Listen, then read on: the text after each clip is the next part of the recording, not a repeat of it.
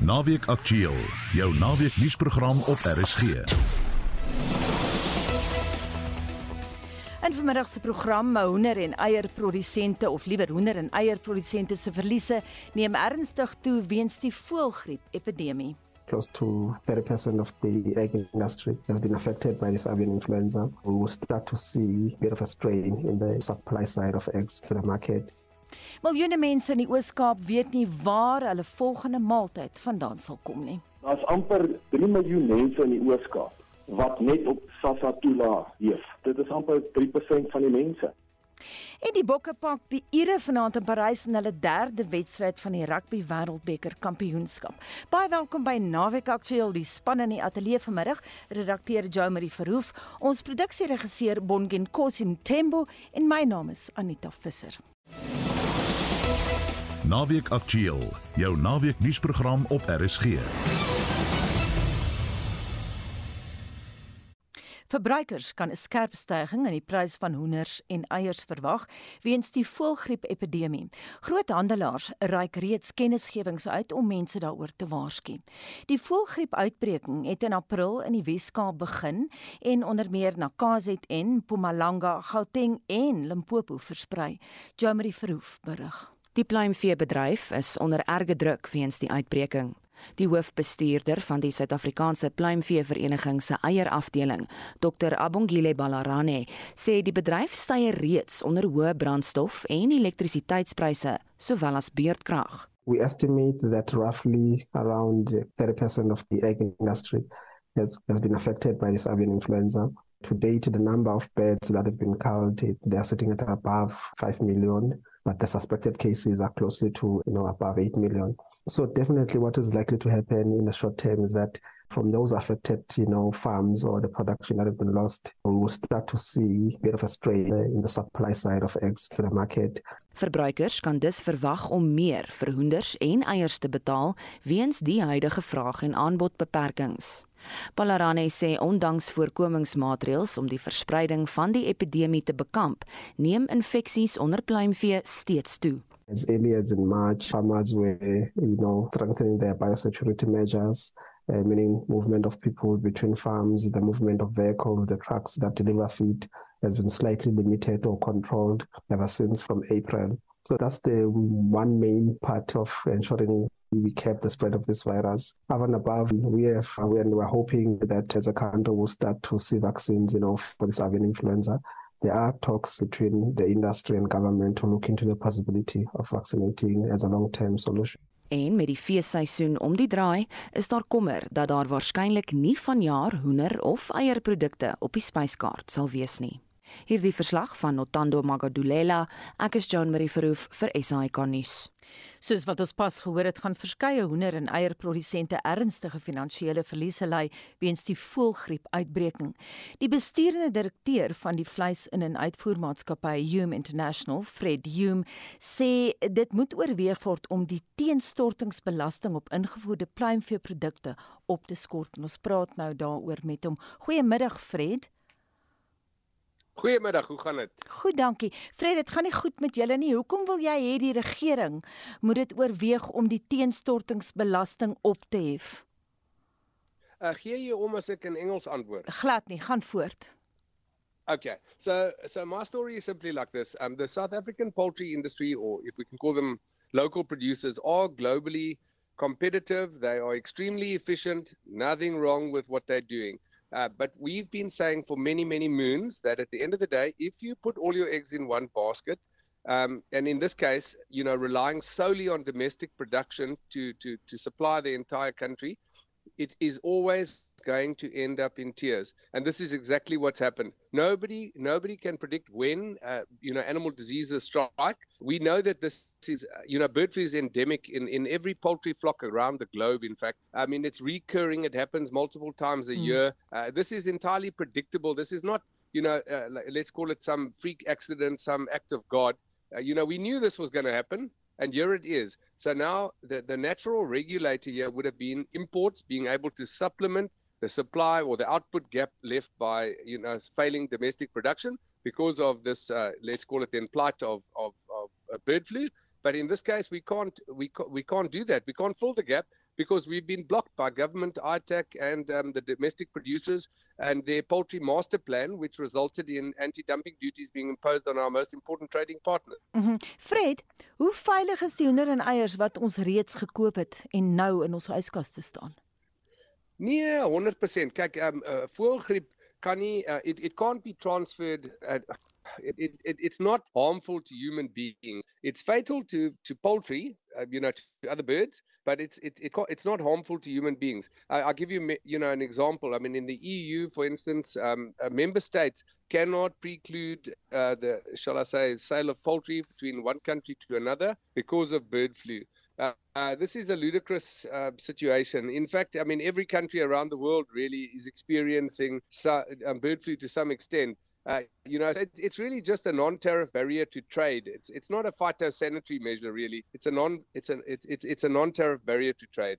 En hoe seer kry die pluimveebedryf finansiëel? Ons het hierna verwys in die inleiding, maar het jy vir ons rand en sente?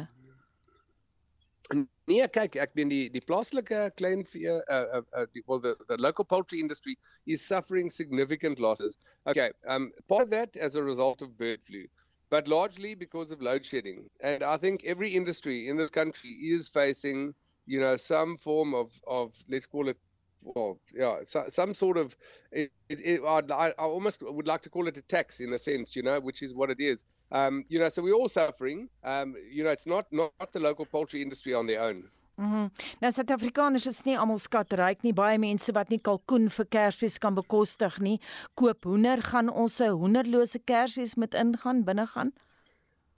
Kyk, uh, I'm not thinking I'm not saying that we're going to have a chicken uh, free Christmas. I'm not saying that there won't be a product on the shelf, but what I am saying is that the product on shelf is going to be costing the consumer a significant amount more than it would have under normal circumstances. And um, we are saying that there is a remedy to this. There is a solution. You know, at the end of the day, we fully understand, um, you know, ITAC, which, um, you know, their, their job is to protect domestic producers of whatever commodity from unfair competition. Okay. But if the domestic production uh, producers can't produce for some or other reason, and in this case it's bird flu, what do you do? You know, do you allow then the consumer simply to pay more, or do you allow importers to supplement that supply output shortage or gap? Nou Let ek us fill it. ek weet nou Fred, hierdie is jou pluimveehandel meesterplan, maar praat jy met die regering daaroor? Uh, yeah, Kijk, um, we were never consulted. Um, you know, wh- when it came to the, the poultry master plan, um, you know, it, it was news to us. You know, we, we heard about it in the background, but nobody spoke to importers, nobody spoke to retailers, uh, nobody spoke to the consumer at large. So essentially, this was a plan that was hatched between government and domestic producers. Baie dankie dit aan Fred Hume, hy is die bestuurende direkteur van 'n in- en uitvoermaatskappy Hume International. Twee vroue in onderskeidelik Butterworth en Lusikisiki in die Oos-Kaap het die afgelope tyd hulle kinders vermoor en daarna hulle eie lewens geneem om te ontsnap van hongersnood. Minstens 72% van die Oos-Kaapse bevolking van 7 miljoen leef onder die broodlyn in vergelyking met 60% van hulle landgenote in die res van Suid-Afrika. Naweek Aktueel het met twee rolspelers in die Oos-Kaap gaan praat om die konteks van die kritieke kosnood te verstaan. Nie minder nie as 11 verskillende soort toelae ter waarde van 2.5 miljard rand word maandeliks aan Oos-Kaapse inwoners uitbetaal. So sê Kobus Botha, lid van die Oos-Kaapse provinsiale wetgewer, wat dien op die portefeulje komitee vir maatskaplike ontwikkeling. Daar's amper 3 miljoen mense in die Oos-Kaap wat net op SASSA toelaat leef. Dit is amper 3% van die mense. Dit is 'n geweldige druk wat op ons land se begrotings geplaas word.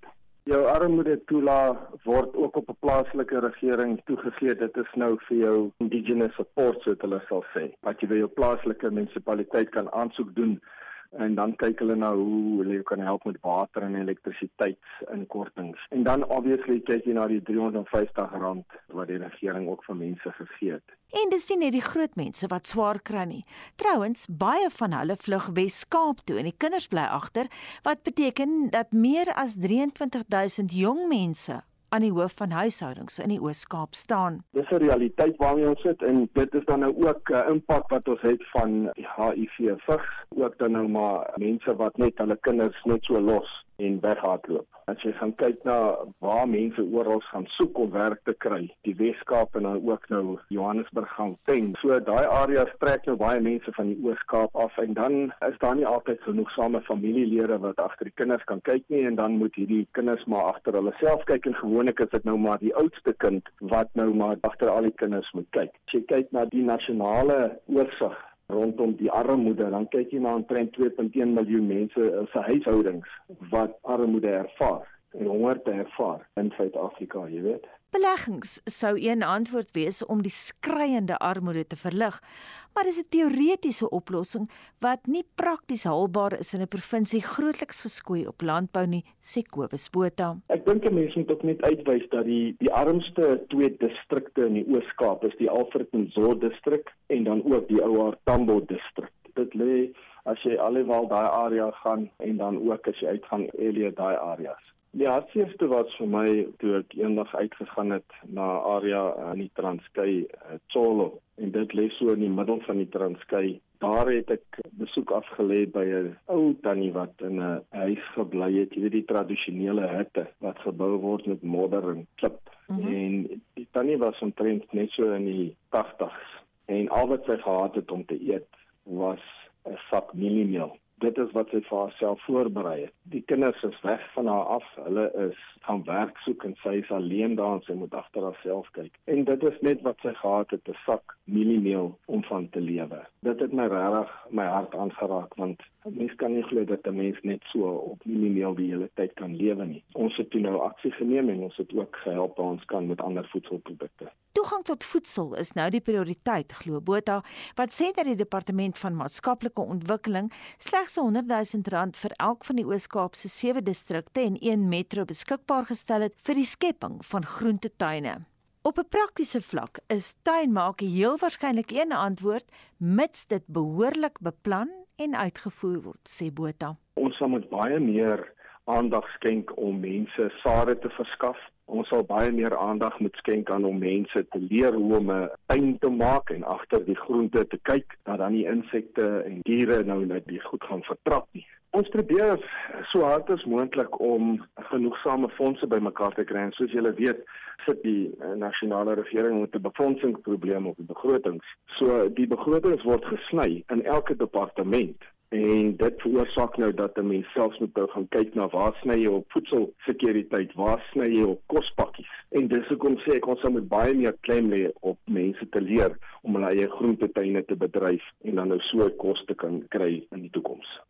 En so sê Kobus Botha, hy is DA lid van die Oos-Kaapse provinsiale wetgewer wat vroeër die week met Naweek Aktueel gepraat het.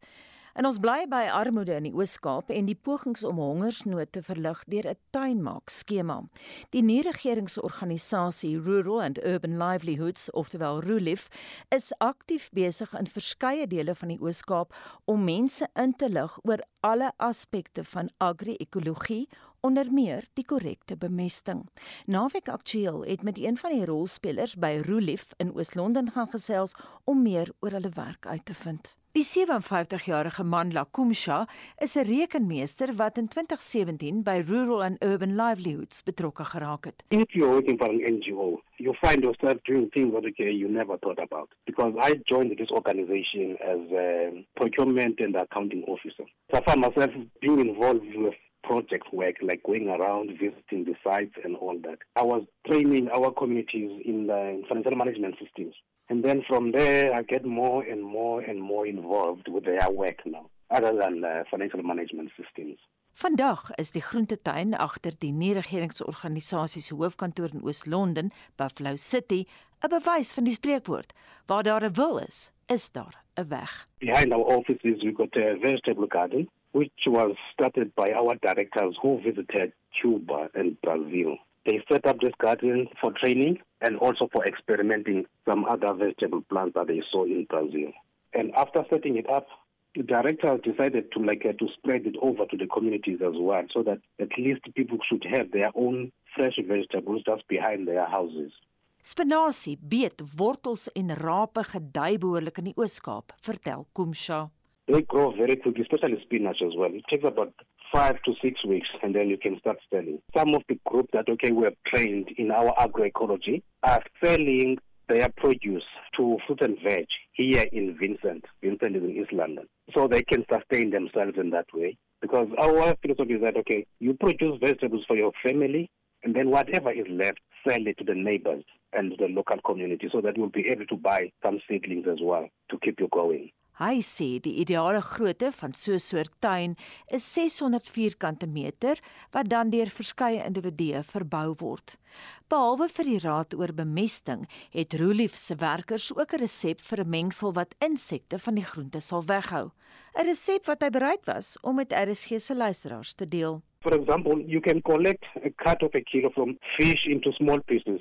If you go to those fish and chip shops, you ask them to collect all the um, stuff that okay they don't use or they don't need, they like throw it away. Ask them to put it in a box for you, and then you take it in, you chop it, and then you place the fish pieces inside the jar. You buy molasses or brown sugar, which is quite easy to get, and mix it in a jar and cover that jar for almost at least for 20 days. And then after that, can take that liquid, use a sieve or a strainer to strain and take the liquid, and then you can take that liquid and mix it with a liter of water, and you start spraying your plants. Die goeie nuus is, rural and urban livelihoods se rekwyte word al groter. We've been to Matatiele to set up vegetable gardens. Matatiele is part of the Eastern Cape, but it's towards Lesotho. And we've been to Lusigisigi, we've been to Mtata. On the coast, we've been to Jeffreys Bay, Port Elizabeth. Yeah. Dis egter belangrik dat enige kos op die tafelprojek volhoubaar moet wees. Die Oos-Kaapenaars word geleer hoe om hulle produkte te bemark en Roelief help die bevolking met die aankoop van watertanks omdat munisipale water gebrekkig is.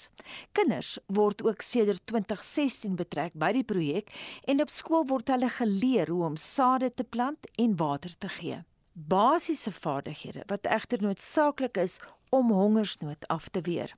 In meeste van die plattelandse gebiede benodig bejaardes dan ook soggens medikasie. Nie altyd maklik as die medisyne na 'n ete geneem word nie. Basically, what is very, very important is to fight the shortage of food in our communities, especially black communities. Most people are on medication. Sometimes in the morning you find, okay, there is nothing to eat, and then make it difficult for them to take medication on an empty stomach. Mm. With fresh vegetables and also organic vegetables from your own backyard, I mean, it makes it easy. You can just make up a vegetable soup with a slice of bread And then after that you can take your medication. Maar die grootste probleem vir enige nie-regeringsorganisasie is geld. Oor daardie uitdaging is daar by Mandla Kumsha geen twyfel nie. Our biggest challenge is funding. We rely mostly on donations. Dit dan Mandla Kumsha van die nie-regeringsorganisasie Rural and Urban Livelihoods wat probeer om hongersnood in die Oos-Kaap te bekamp. Dis nou 12:21 en in ons weeklikse motorrubriek toets Wessel Pretoria se Mazda se nuwe vlaggenskap.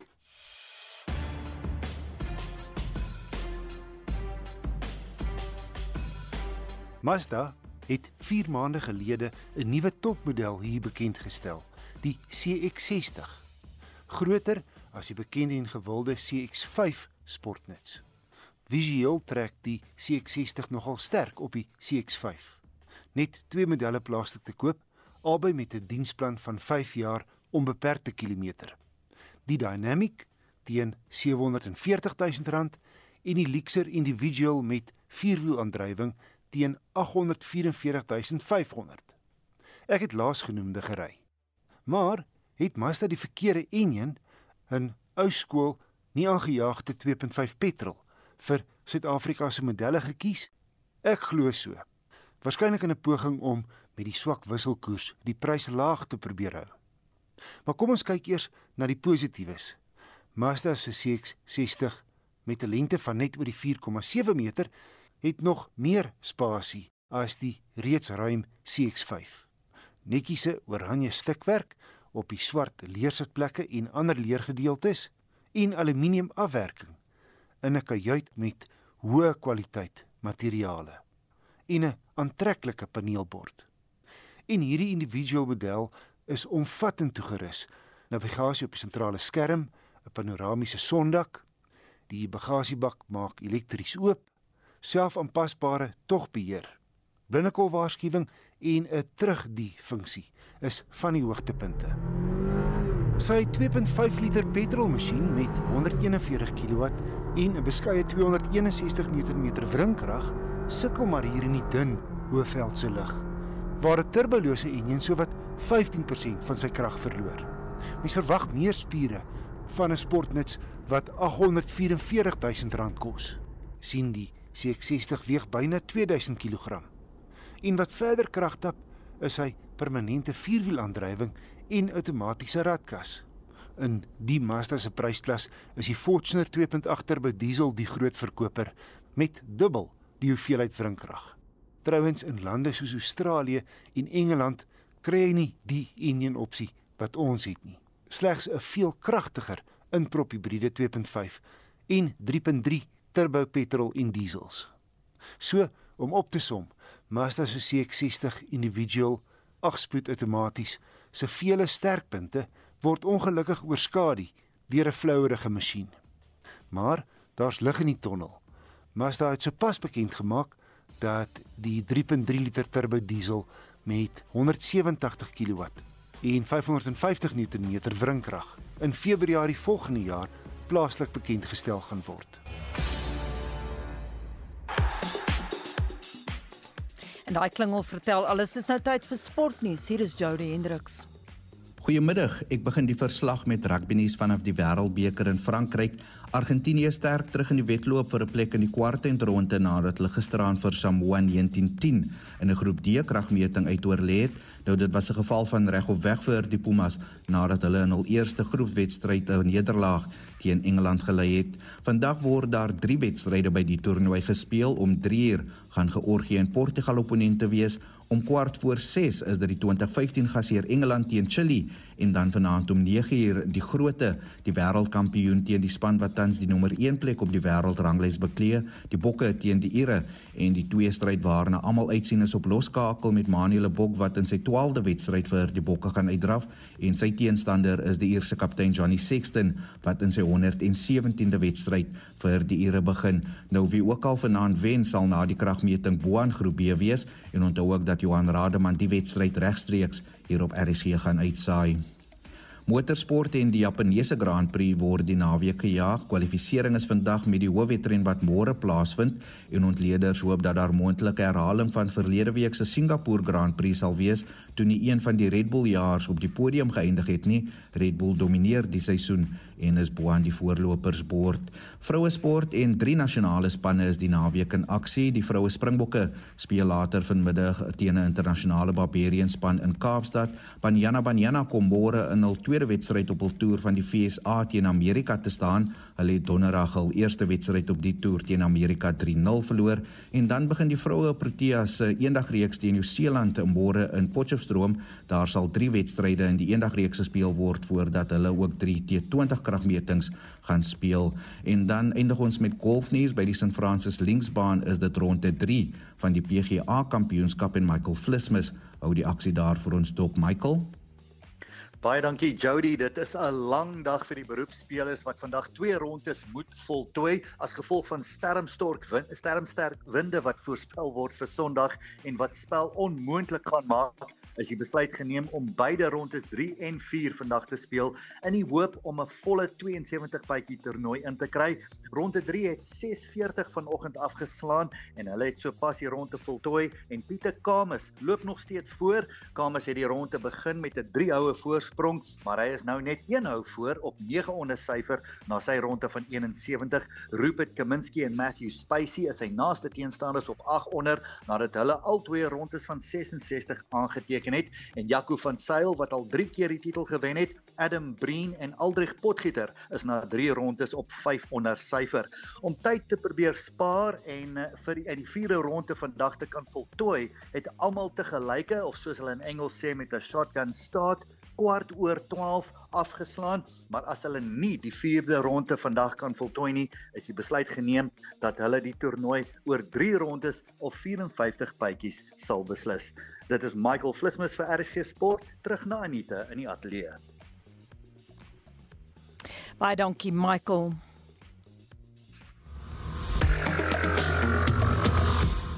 Van dese maand plaas die Verenigde Nasies die fokus op Alzheimer, 'n toestand wat dikwels belig word op die leiers deur om op die leiers daarvan te fokus.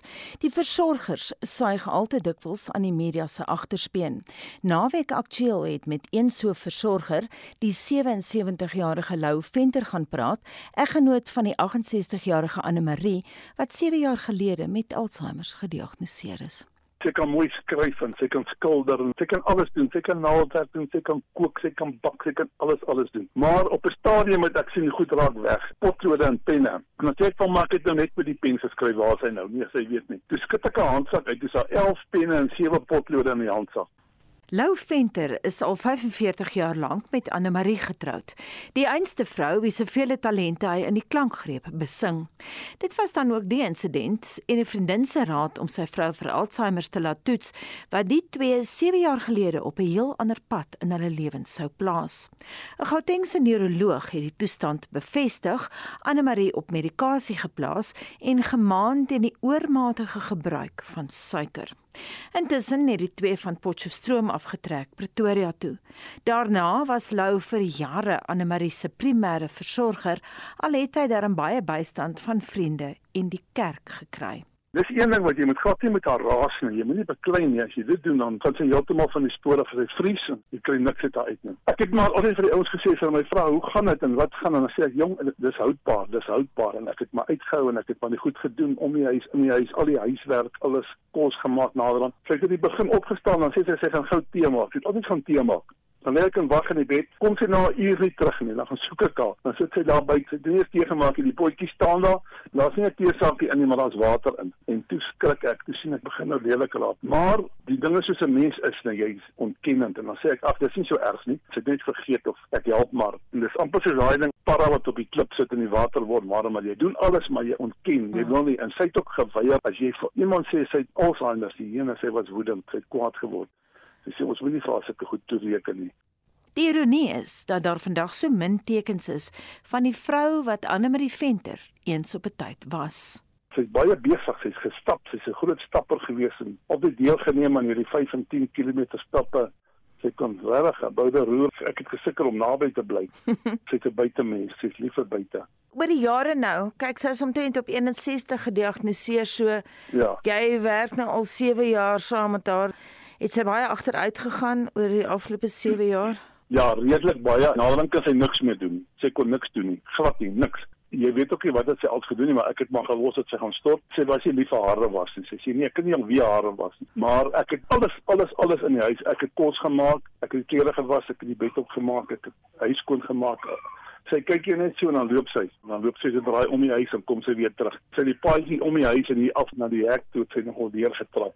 Die dokter het vir ons gesê dis maar die pad en baie mense het vir ons gesê vriende en vriendinne en alles wat ook ouers so goed het sê jong dit is maar die pad wat sal gebeur dis soos 'n spyskaart weet nie watter blokkie tik volgende nie sy toe op stadium uitgetrek hier by my en vir die kinders gesê sy weet nie wie daai ou man daar agter nie maar uh, sy gaan nie soontoe nie want hy het my geslaan en hy stamp my en ek gaan nie terug nie. En sy het nooit weer teruggekom nie. Hier vanaf na my ander dogter toe en dis sy nou 'n maand by die een bly en 'n maand by die ander een bly toe sien hulle eers eintlik regtig nou wat is aan die gang. Dit was seker emosioneel baie swaar vir jou dat jou vrou van 45 jaar sê sy ou man nie agter wat my slaan. Weet jy ja en nee. Ek het dit verwag want hulle het my gesê jy weet jy kan enigiets te wag te wees. So ek het geweet dis nie sy wat dit sê nie. Hulle het altyd my gesê dis die siekte dis die siekte dis die siekte dis nie sy nie. Jy moet vergeet met wie jy getroud. Dis nie meer jou vrou nie. En wat gaan gebeur is nie wat sy bepaal nie, dis wat die siekte bepaal. So dit was net vir my erg maar toe hulle sê hulle gaan haar soen toe vat en hulle gaan haar daar aflaai. Dis sê ek ek gaan nie saam nie. Waar is sy op die oomblik? Sy's by 'n plek ons huis in Riviera.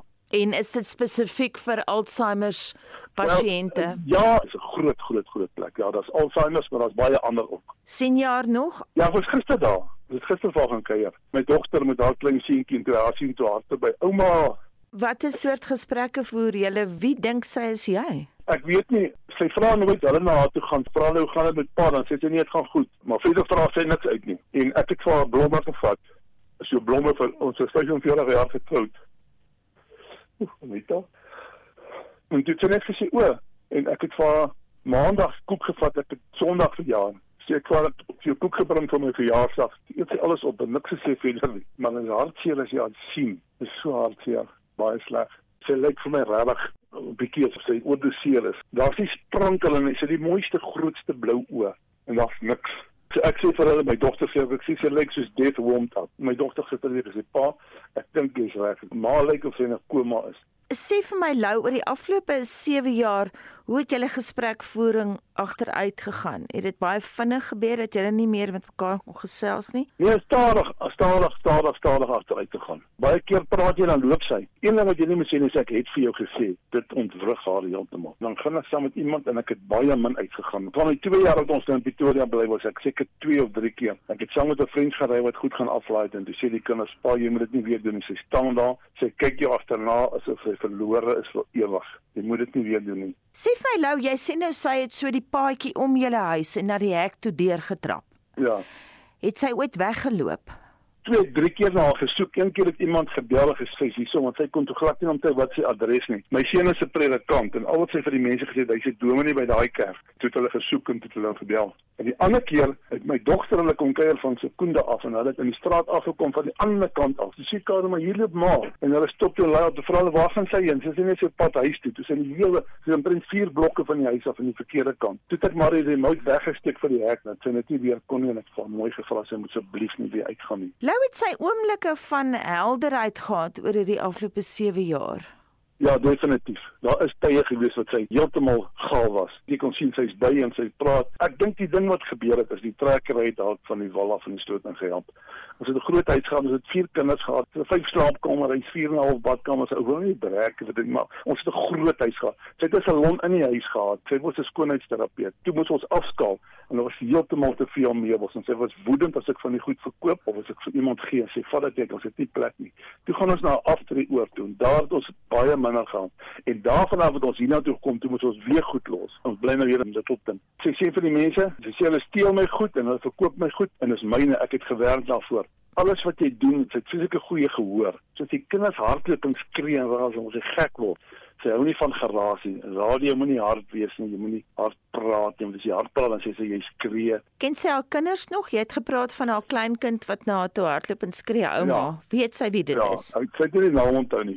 Sy ken my kinders, my dogter was nou die dag by haar. En haar man met die twee kinders sit op die gras en speel en sy kom uitgestap en sy sê vir haar: "Ag, kyk hoe speel daai man met sy kinders." Jy weet sy nie dis haar skoonseun en haar kleinkinders nie. Wat is jou die swaarste oor die afgelope 7 jaar? Weet jy wat is vir my die slegste? Ek kan aanvaar dat sy nie my wil hê nie.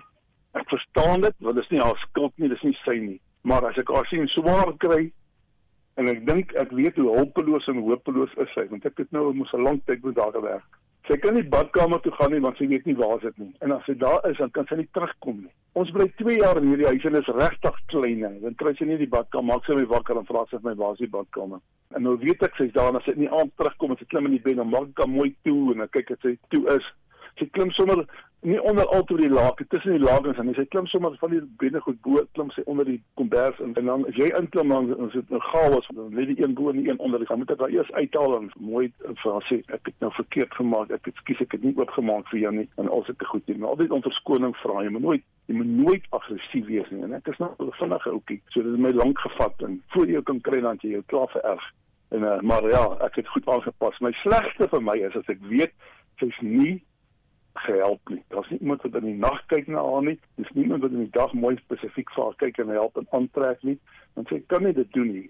Ek het byvoorbeeld as ons Sondag kerk toe gaan, met ek al klere uitgaan op die bed gesit en sê ek hierdie moet jy aantrek, dan gaan stort ek. As ek terugkom as die klere weg, dan sê iets anders aangetrek. Dan moet jy nie bekling en sê hey, ek het eintlik gedink ons moet hierdie aantrek. Hoe lyk hierdie vir jou? Lyk hierdie nie vir jou mooier nie? Ek dink jy sal mooi lyk vandag met hier. Kom ons trek die aan. Jy moet altyd maar mooi praat en versigtig wees. Dink jy trek sy sommer 3, 4 blouse oor mekaar aan.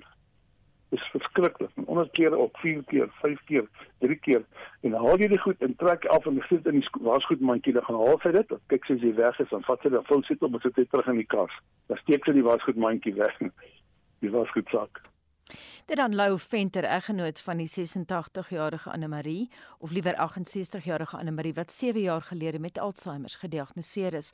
Luisteraars wat meer inligting oor die toestand benodig, kan die Vereniging vir Demensie en Alzheimer van Suid-Afrika, oftewel ADASA kontak by info@adasa.org.za. Ek lees dit stadig. Dis info@adasa.org.za www.hulp.org.za of bel die nasionale hulplyn by 0860 102 681. En as jy nou eers jou pen byderhand het, dis die nommer weer. Dis nou Adasa se nasionale hulplyn 0860 102 681 en Adasa is die vereniging vir demensie en Alzheimer van Suid-Afrika. 'n Passie vir dans en musiek het Hein van der Nest genoop om sy korporatiewe loopbaan vir die uitvoerende kunste te verruil. Hy besit en bestuur nou die Dance for Joy skool in Kreersdorp Noord aan Gauteng se Wesrand. Sy studente sluit mense van alle uithoeke en ouderdomme in, maar hy's veral trots op 'n handjievol ekstra spesiale leerders. Ek het 'n groot passie vir kinders wat verskillende gestremdhede het en daar is nie baie studies wat fokus op hierdie tipe kinders en hulle ontwikkeling nie. Selfs spraak en selfs lees. Soos die een student het baie gesukkel om te lees, so ek fokus baie keer met spesifiek met die sang fokus aan hoe om uitspraak te doen. Oud en jonk, maak nie saak waarvandaan jy kom, wat se agtergrond jy vanaf is nie. Ek werk met hulle een op een. Dit is 'n groot pluspunt vir hulle selfontwikkeling en selfs hulle selfbeeld. Partykeer as hulle hier by my instap, dan kan ek duidelik sien omdat hulle die probleem het, is baie swak. En wat ek doen is basies is ek werk aan 'n selfbeeld. In the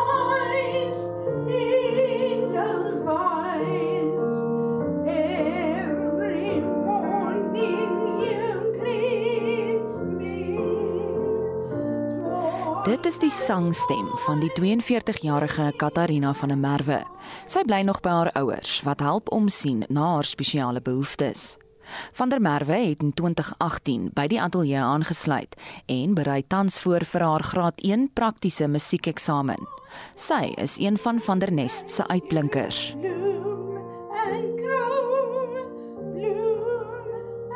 Ek moet sê ek is baie trots op haar want vir spesiale studente gee hulle ekstra tyd om hulle teoretiese vraestel te doen. En ek het die eendag toe sit ek hierso en ons is besig met die voorbereiding. Ons is besig om die ou vraestelle te werk. Hulle bel my toe ons gatting verteenwoordiger sê toe vir my oor hierdie moet hulle vir haar ekstra tyd gee. Ek vra haar toe en toe sê sy vir my nee. En sy doen die meeste van haar vraestel doen sy in basies in 'n uur se tyd, soos wat 'n gewone kind doen.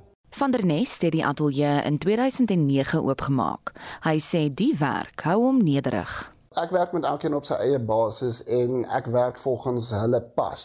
So as ek sien hulle sukkel met 'n ding dan pas ek myself aan basis. Ek so ek druk hulle nie in 'n blik en sê hoor jy so jy moet dit nou reg doen. Jy het soveel tyd om dit te doen nie ek gee hulle die tyd en ek gee hulle die scope om te groei basies. Ja, daar is nog steeds in Engels ons boundaries wat hulle moet in funksioneer basies. Ek sit nog steeds die boundaries neer. Dit is baie keer 'n uitdaging want hulle is ook mense. Hulle het ook maar hulle mood swings, hulle het ook maar hulle voel ook bietjie down. Jy moet ekstra geduld hê met hulle. Jy moet kreatief wees om die inligting by hulle uit te kry. En as hulle eers daai inligting verstaan en snap, dan is dit presies net soos 'n gewone mens basies wat jy moet werk. Dis nie om hulle te verander nie, dis net jy moet kreatief wees om 'n ding vir hulle te leer. Die voormalige departementshoof van die Hope Skool vir leerders met spesiale behoeftes en 'n afgetrede spraakterapeut, Alet Kleinhans, sê sy kan sien hoe die musiek en danslesse die studente se ontwikkeling ondersteun. Omdat ek met spesiale kinders gewerk het, kan ons sien wat hy hier doen. Hy maak geleenthede oop. Hy maak amper wil ek sê hy is instrumenteel in die oopmaak van ander neurologiese bane tot die kind se voordeel wat die kind in ander opsette in die leersituasies in die skools in die meer formele situasie kan gebruik. Die 28-jarige Pam Mokgosi se spraak is aangetast weens 'n gesplete verhemelte. Sy berei ook tans voor vir haar graad 1 praktiese klaviereksamen en spog graag met haar vordering. What's your favorite instrument? Uh piano. Piano. Are you are you any good on the piano? Yes, I'm very, very good. yes. Okay, you're gonna have to prove it. Let's see. Okay, Why don't you okay, play for okay. us a little bit? Are you also preparing for exams? Yeah, I'm very excited. You think you're gonna do well? Yes, I, of course. Of course. I love the confidence. I love the confidence. My favorite song. Okay, what song is it? Uh, I'm your so, ooh, so nice.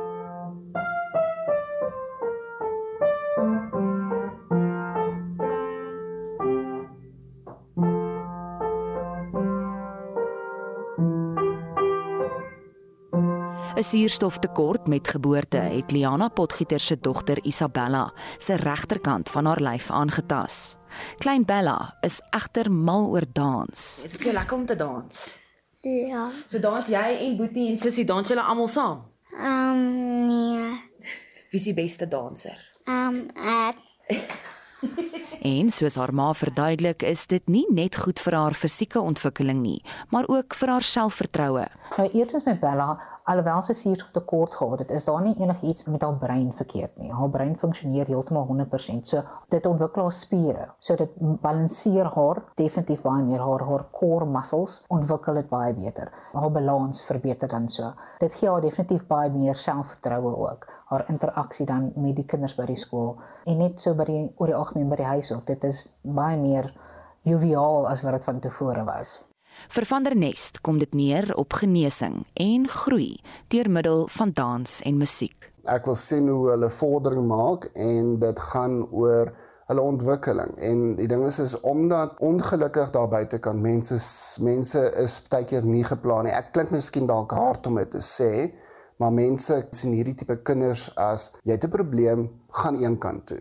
Vir my gaan dit oor hoekom moet jy een kant gestoot word omdat jy nou dis mos nie jou skuld jy 'n probleem het. Engelse woord wat ek gebruik is compassion. Ek het 'n compassion, ek het regtig compassion vir die vir die mense om mee te werk. Ek wil sien hoe hulle groei. Dit was Hein van der Nest van die Dance for Joy musiek en dansskool in Kreersdorp Noord. Ek is Jean Marie Verhoef vir SAK nuus. En die uitste Jo Marie is vandag se redakteur en sy sê sy daai storie verskriklik geniet om te doen. In 1974 het plaasboere per toeval 'n ontdekking in China se Shanxi provinsie gemaak wat nie net die argeologiese gemeenskap laat regop sit het nie, maar wat die oë van leuke laat trek het. Sedertdien is die duisende lewensgrootte terrakotta soldate en hulle perde wêreld bekend. Die figure se doel was om China se eerste keiser, Qin Shi Huang, wat tussen 2010 en 2021 voor Christus geleef het, te beskerm. Diese grafkelder is net om die draai, maar nog nooit geopen nie. Argeoloë is veral bekommerd oor die kwiksilwer in die grafkelder wat die keiser volgens oorlewering gebruik het om diewe te vnuik. Verder het hy ook verskeie lokvalle daar gestel. Naweek aktueel het die argeoloog professor Anton van Vollenhoven, buitengewone professor aan Noordwes Universiteit en eienaar van die maatskappy Arcaetnos uitgevra oor die gevare van sy werk dit kan gevaarlik wees dit hang nou maar af van terrein tot terrein. Mense is ons nou maar in die veld so jy's blootgestel aan allerlei dinge. Daar is ouens wat byvoorbeeld in van ons parke werk waar al hulle diere en die soort van dinge is. Daar's grotte waar 'n ou moet inkruip waar allerlei ongedierte soos veels, binnekoppe en die soort van goed. En natuurlik, sulke grotte kan dalk ook in duie stort of van die ruïnes waarin 'n ou ingaan. Is jy nie altyd seker hoe stabiel die goeder is nie wat baie maklik. Nou wat hierdie spesifieke uitgrawing betref, lees ons nou dat die keiser dit hom blykbaar beskerm met kwiksilwer. Nou dit kan lewensgevaarlik wees vir argeoloë. Definitief, die ouens is baie versigtig om daarin te gaan want hulle kan vergiftiging optel. Ons weet ook natuurlik dat destyds toe Howard Carter Tutankhamun oopgemaak het dat van die ouens siek geword het en dis die ding waar die storie vandaan gekom het dat daar een of ander vloek op die ouens is, maar dis maar van die vrot lig in hierdie voet. Dis natuurlik ook iets waarvoor ons moet versigtig wees as ou in 'n grot ingaan, kan die lig dalk nie goed wees nie. Ek het byvoorbeeld onlangs die sinotaaf van die Voortrekker Monument oopgemaak en ek het daar ook gesê kom ons gee net 'n tydjie vir die lig om alvorens so iets ons raak. En dan spesifiek by die keiser verstaan ek dat hulle ook reken dat daar 'n klomp strikke gestel kan mm. wees. Dat jy ingaan dat jy een of ander hefboom kan laat afgaan en dan is daar pile wat op jou gaan skiet en so en ek weet nie in hoe mate die ouens dit regtig weet en of hulle maar net bespiegel nie. Dit laat mense nogal dink aan die Indiana Jones fliek. maar nou is daar 'n ander manier van doen. Ek sien argeoloog praat nou Anton van die gebruik van hulle praat van muons, M U O N S.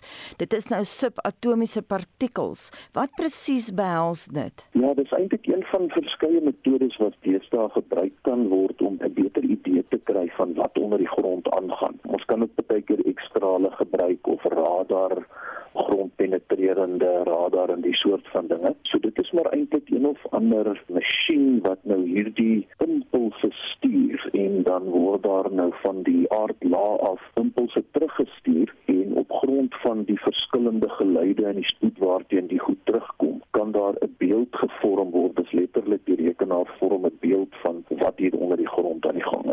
So jy hoef nie meer 'n sekere terrein te betree nie. Ja, ons is nog nie heeltemal by daai punt nie een van hierdie metodes is al so goed ontwikkel dat dit nie moontlik is nie, maar daar is 'n voorspelling dat in die toekoms dit dalk nie meer nodig gaan wees om 'n terrein fisies op te grawe nie. Inderdaad, soos jy sê, jy hoef nie 'n terrein te betree nie, jy hoef nie te grawe nie, want jy gaan met hierdie masjinerie gaan jy 100% kan bepaal wat onder die grond aan die gang is.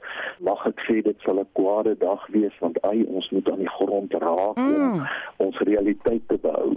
Absoluut. Ek wou nou net sê as leek, vir my is daar romanse aan die fisiese betreding van so 'n terrein. Absoluut. Daar's regtig hierdie sê ding in die argeologie dat jy moet aan die grond raak en die grond onder jou vingers voel, anders gaan jy eintlik jou realiteit verloor. En dit is heeltemal reg. Daar iets romanties van met jou troffel en jou kwassie werk en dan stadig maar seker dit ontbloot wat onder die grond lê. Maar jy moet versigtig werk. Ek dink nou aan Heinrich Schliemann wat die stad Troje in Turkye opgemors het. Hy het alles absoluut verkeerd gedoen tydens sy pogings om nou verder daar te eksploreer. Ja, dis inderdaad so. Kyk, die argeologie het in 'n groot mate ontwikkel van amateurouens af. Nou Heinrich Schliemann was so iemand gewees mense met baie geld wat dan argeologie as 'n stokpaardjie gebruik het en dit het eers regtig hier in die middel tot laat 19de eeu werklik as 'n vakwetenskap ontwikkel. So Schliemann ja, hy het ongelukkig te ver gegaan. Hy wou Troje kry en hy het gedink hy Troje gekry, maar hy was eintlik reg deur Troje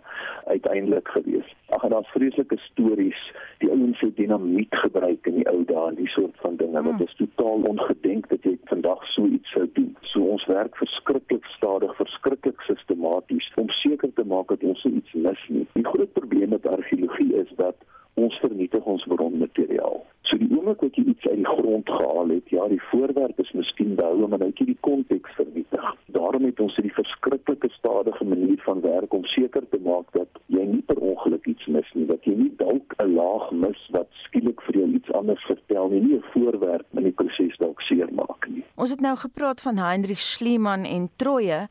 Maar watter ander argeologiese flaters is al gemaak oor die jare waar mense oorhaastig was en nie die geduld gehad het om so 'n projek behoorlik aan te pak nie? Dit is nogal 'n bietjie moeilik om voorbeelde te kry, maar ek het 'n paar gekry wat nou nogal interessant is. Die een was net so klompie jare terug, omtrent 5 of 6 jaar terug in Pompeii het hulle opgrawings gedoen en hulle het op 'n skelet van 'n persoon afgekom en daar was 'n groot rotsblok wat so skuins in die grond gestaan het so oor die helfte van die skelet en daar's vreeslik foto's geneem en die afleiding wat gemaak is is dat hierdie arme ou nou deur hierdie rotsblok getref is tydens die vulkaniese uitbarsting. En hierdie goed is so gepubliseer. En toe hulle jare wat later verder grawe en uiteindelik hierdie groot rotsblok wegkry toe sien hulle maar hierdie skelet is volledig daar's geen probleem nie. As 'n mm. rotsblok op jou geval het sal die beentjies baie gefragmenteer en so mm. aan weet so die afleiding was totaal verkeerd geweest in Engeland het die ouens 'n dobbelsteen gekry in 'n klooster en dadelik begin dink maar het iets vreeslik verkeerd in hierdie klooster aangegaan.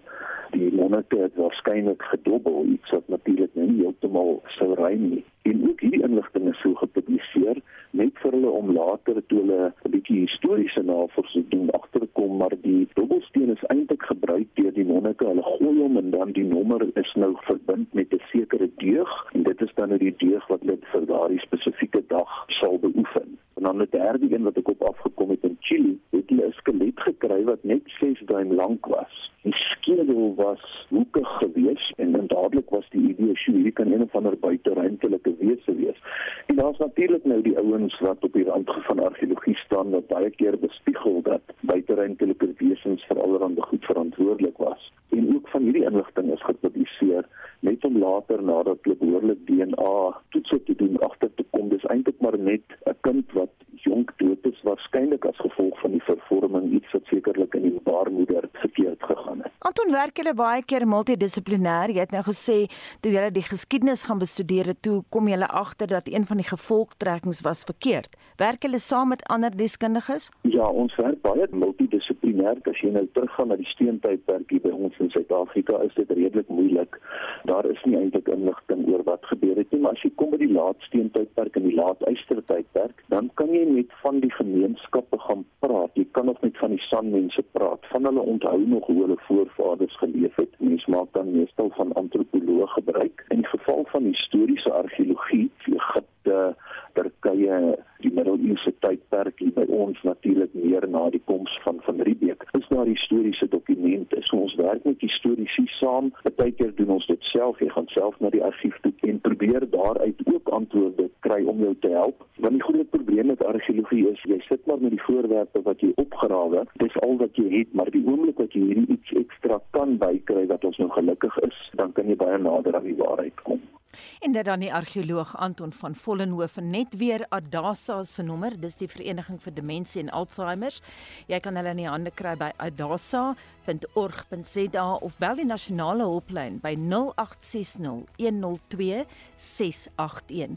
En daarmee groet ons namens ons uitvoerende regisseur Nicoline de Wee, die vrou in die warm stoel vandag, Jo Marie Verhoef, ons produksieregisseur, ook 'n vrou in die warm stoel, Bonginkosi Mtembo en my naam is Anita Visser. Geniet jou middag in die geselskap van die van die RSG en onthou bokke, jy moet daai ure vasvat.